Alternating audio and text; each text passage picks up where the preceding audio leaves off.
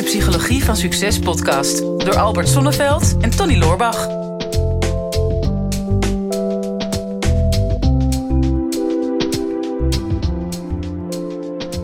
Weet je wat nou bijzonder is? We hebben nu anderhalf jaar deze podcast en uh, we zijn inmiddels ook op zichtbaar op YouTube. En het aantal sociale contacten groeit. Maar zijn dat nou echte sociale contacten? Of zijn dat nou, hoe noem je dat eigenlijk? Want eerlijk, eerlijk, eerlijk gezegd ben ik, het klinkt een beetje oudbollig, maar ben ik niet echt van die generatie van uh, hoe, hoeveel vrienden heb je nu eigenlijk? Mm En um, ja, dat is een vraag van Ellemiek, heb ik begrepen. Die ja. wil iets snappen over hoe onderhoud je nou je sociale contacten?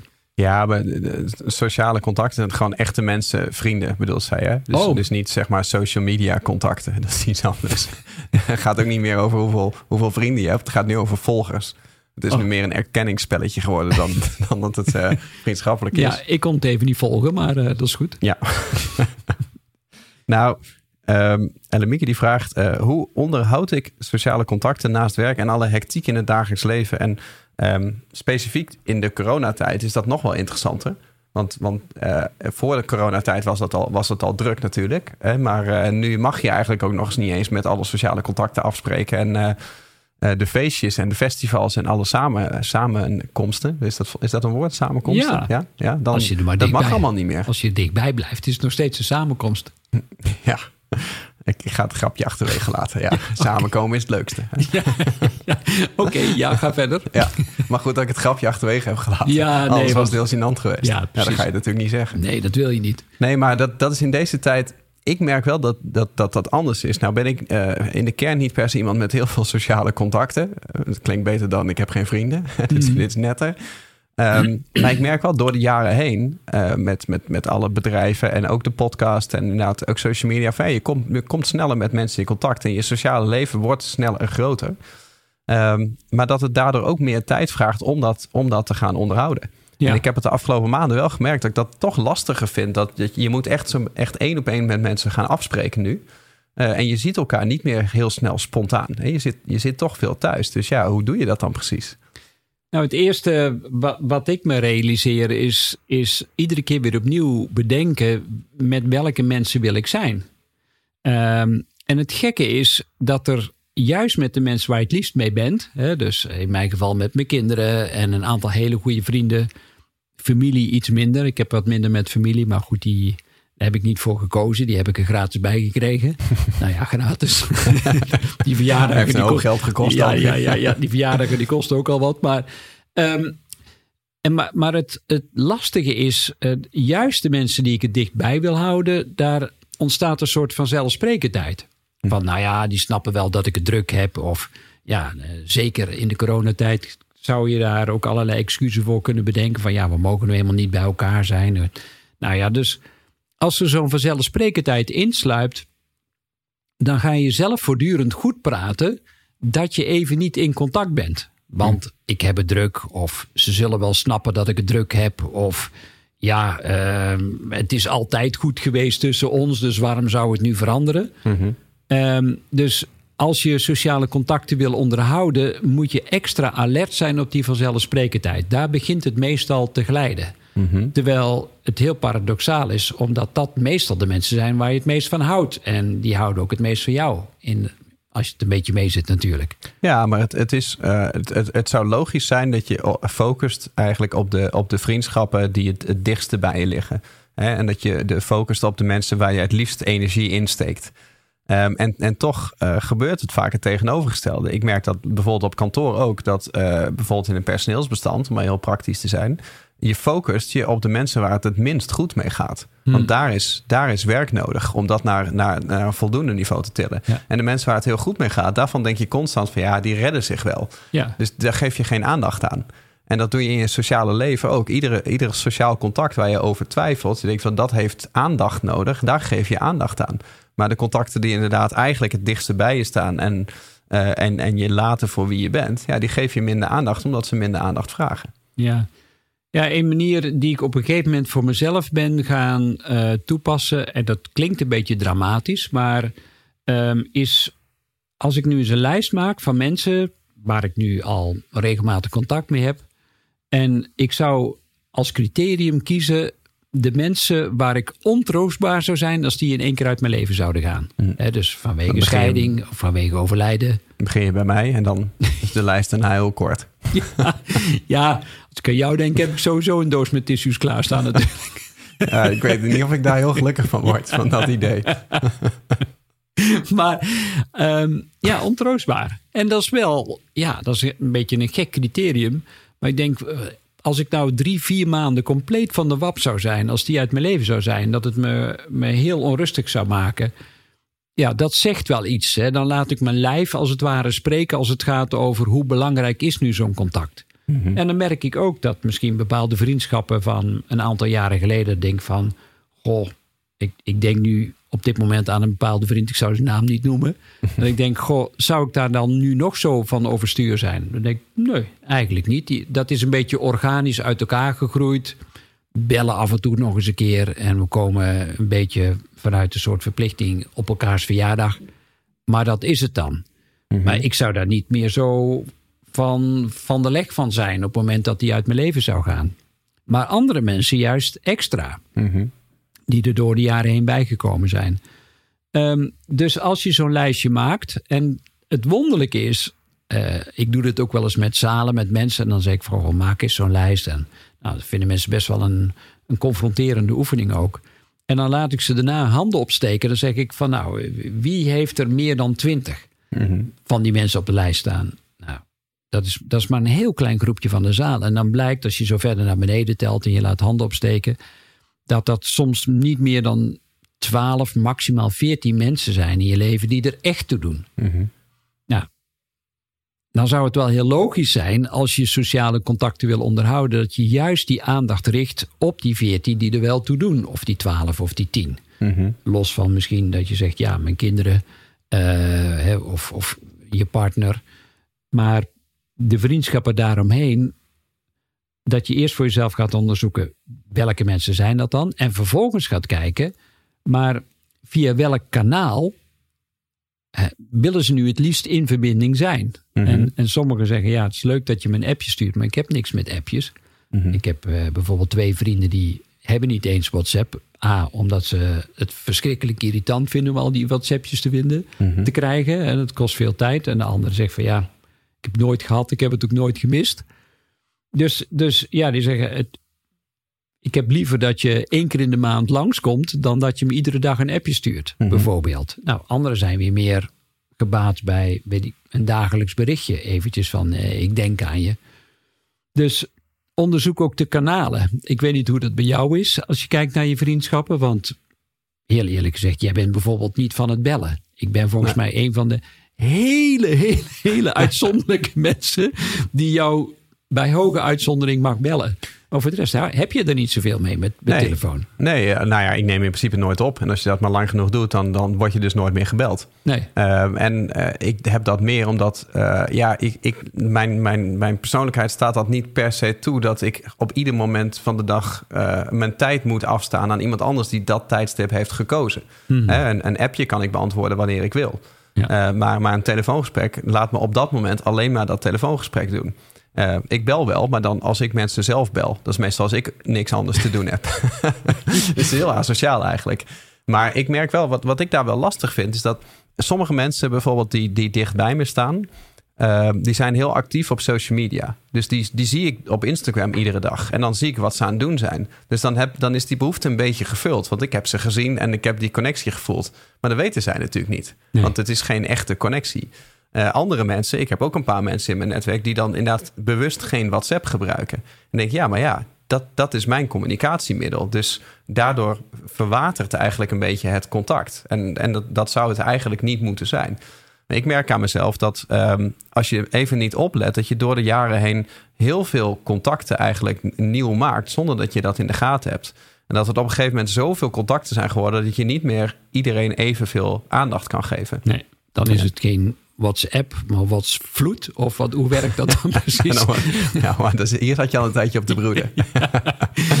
ja, maar dan, dan, dan kan je nog steeds in je hoofd hebben dat je contactenkring redelijk klein is. Maar schrijf het eens een keer allemaal uit van met wie heb ik nou op eh, maandelijkse basis contact. En als je die lijst uitschrijft, is dat best, is dat best wel een lange lijst. Ehm, en dan, dan ga je inderdaad kijken van op, op wie zou ik de aandacht willen focussen. Want dat kan niet op, op allemaal. Ehm, en op wie niet. Maar het is heel lastig soms om contacten los te laten.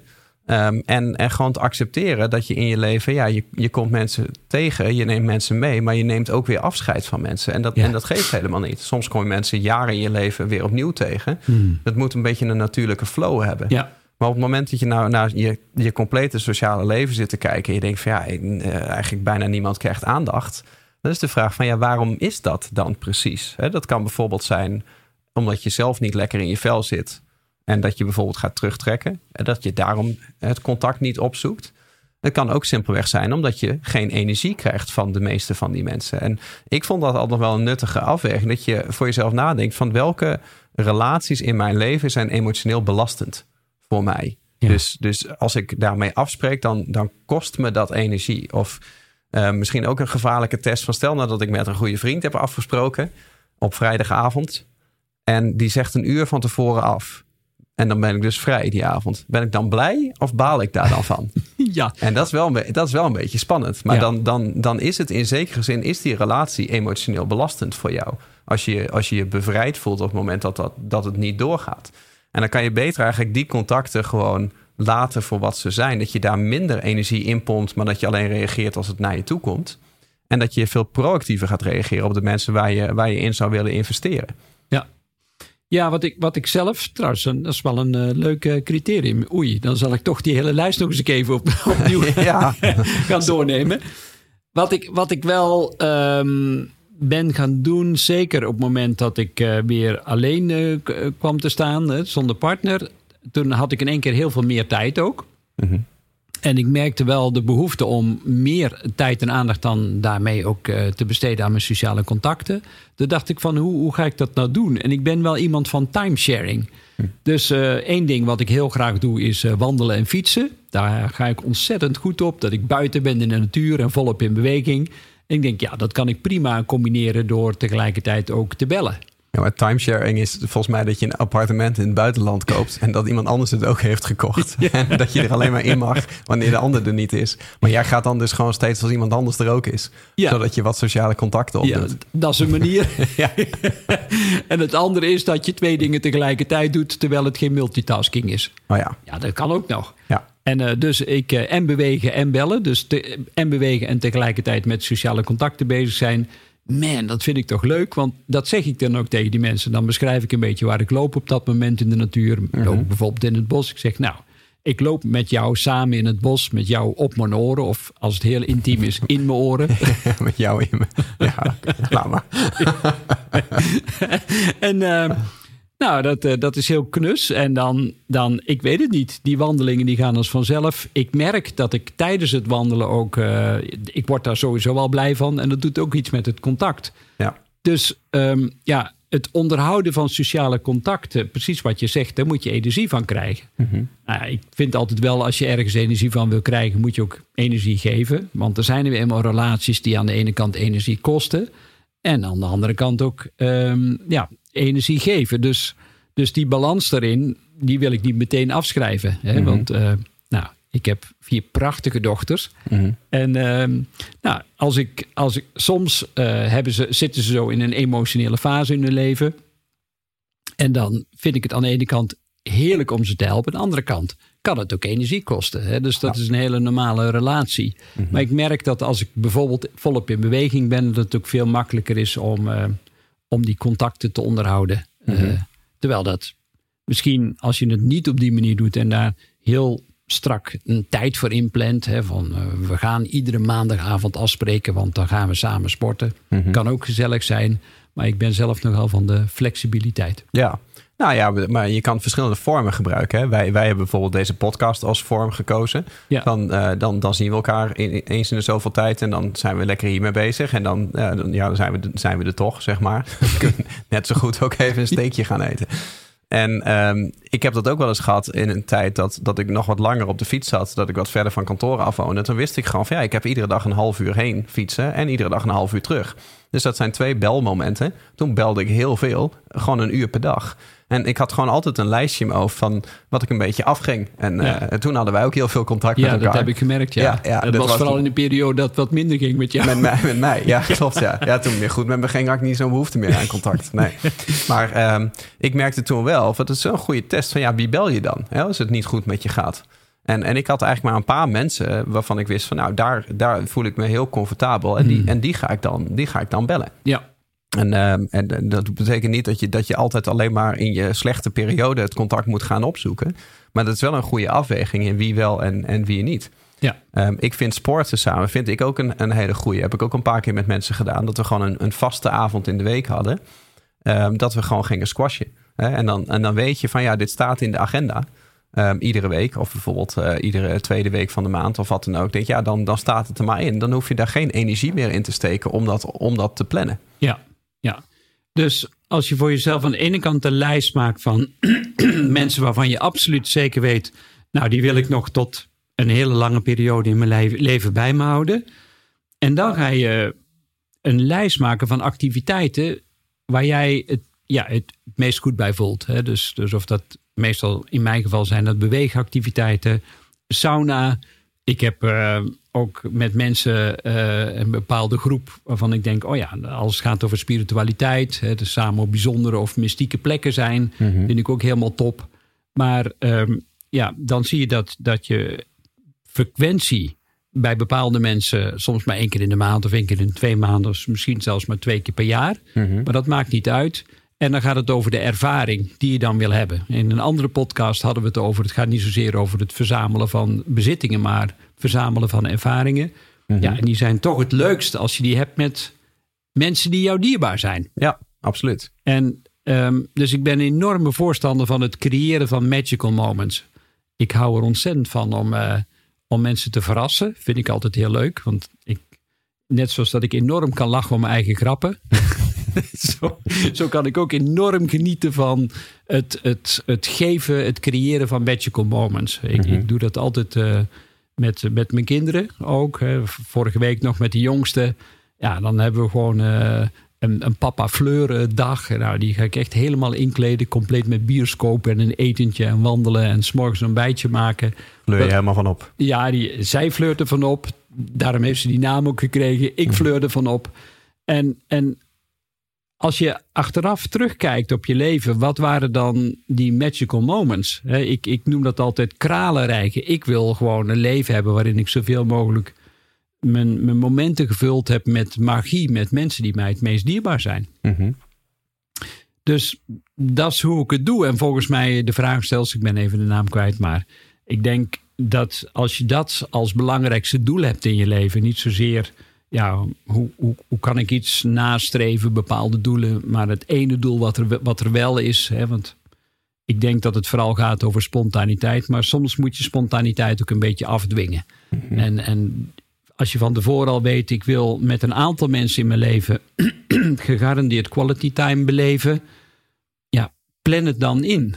Mm -hmm. eh, want anders vult het zich op met allerlei nutteloze dingen waarvan je achteraf denkt, ja, is dat nou hetgene waar ik het meest blij van word? Of wat ik altijd zeg, waar ik een warm oorlelletje van krijg? Nou, ik denk dat dat, dat, dat dus moeilijker is in de coronatijd. Ja. Dat, dat, omdat we in het begin was het allemaal even heel gespannen. Was de boodschap van uh, blijf vooral thuis. Blijf ja. binnen, of je nou ziek bent of niet. Uh, toen, toen moest je echt, als je de straat op wilde, moest je daar echt een reden voor hebben. Nou, in Nederland was er, er, er, geen controle op, was dat redelijk mild. In, in Frankrijk was dat al wat erger. Hè? Dan moest ja. je echt een, een briefje hebben van de overheid van ik, ik mag hier op straat lopen.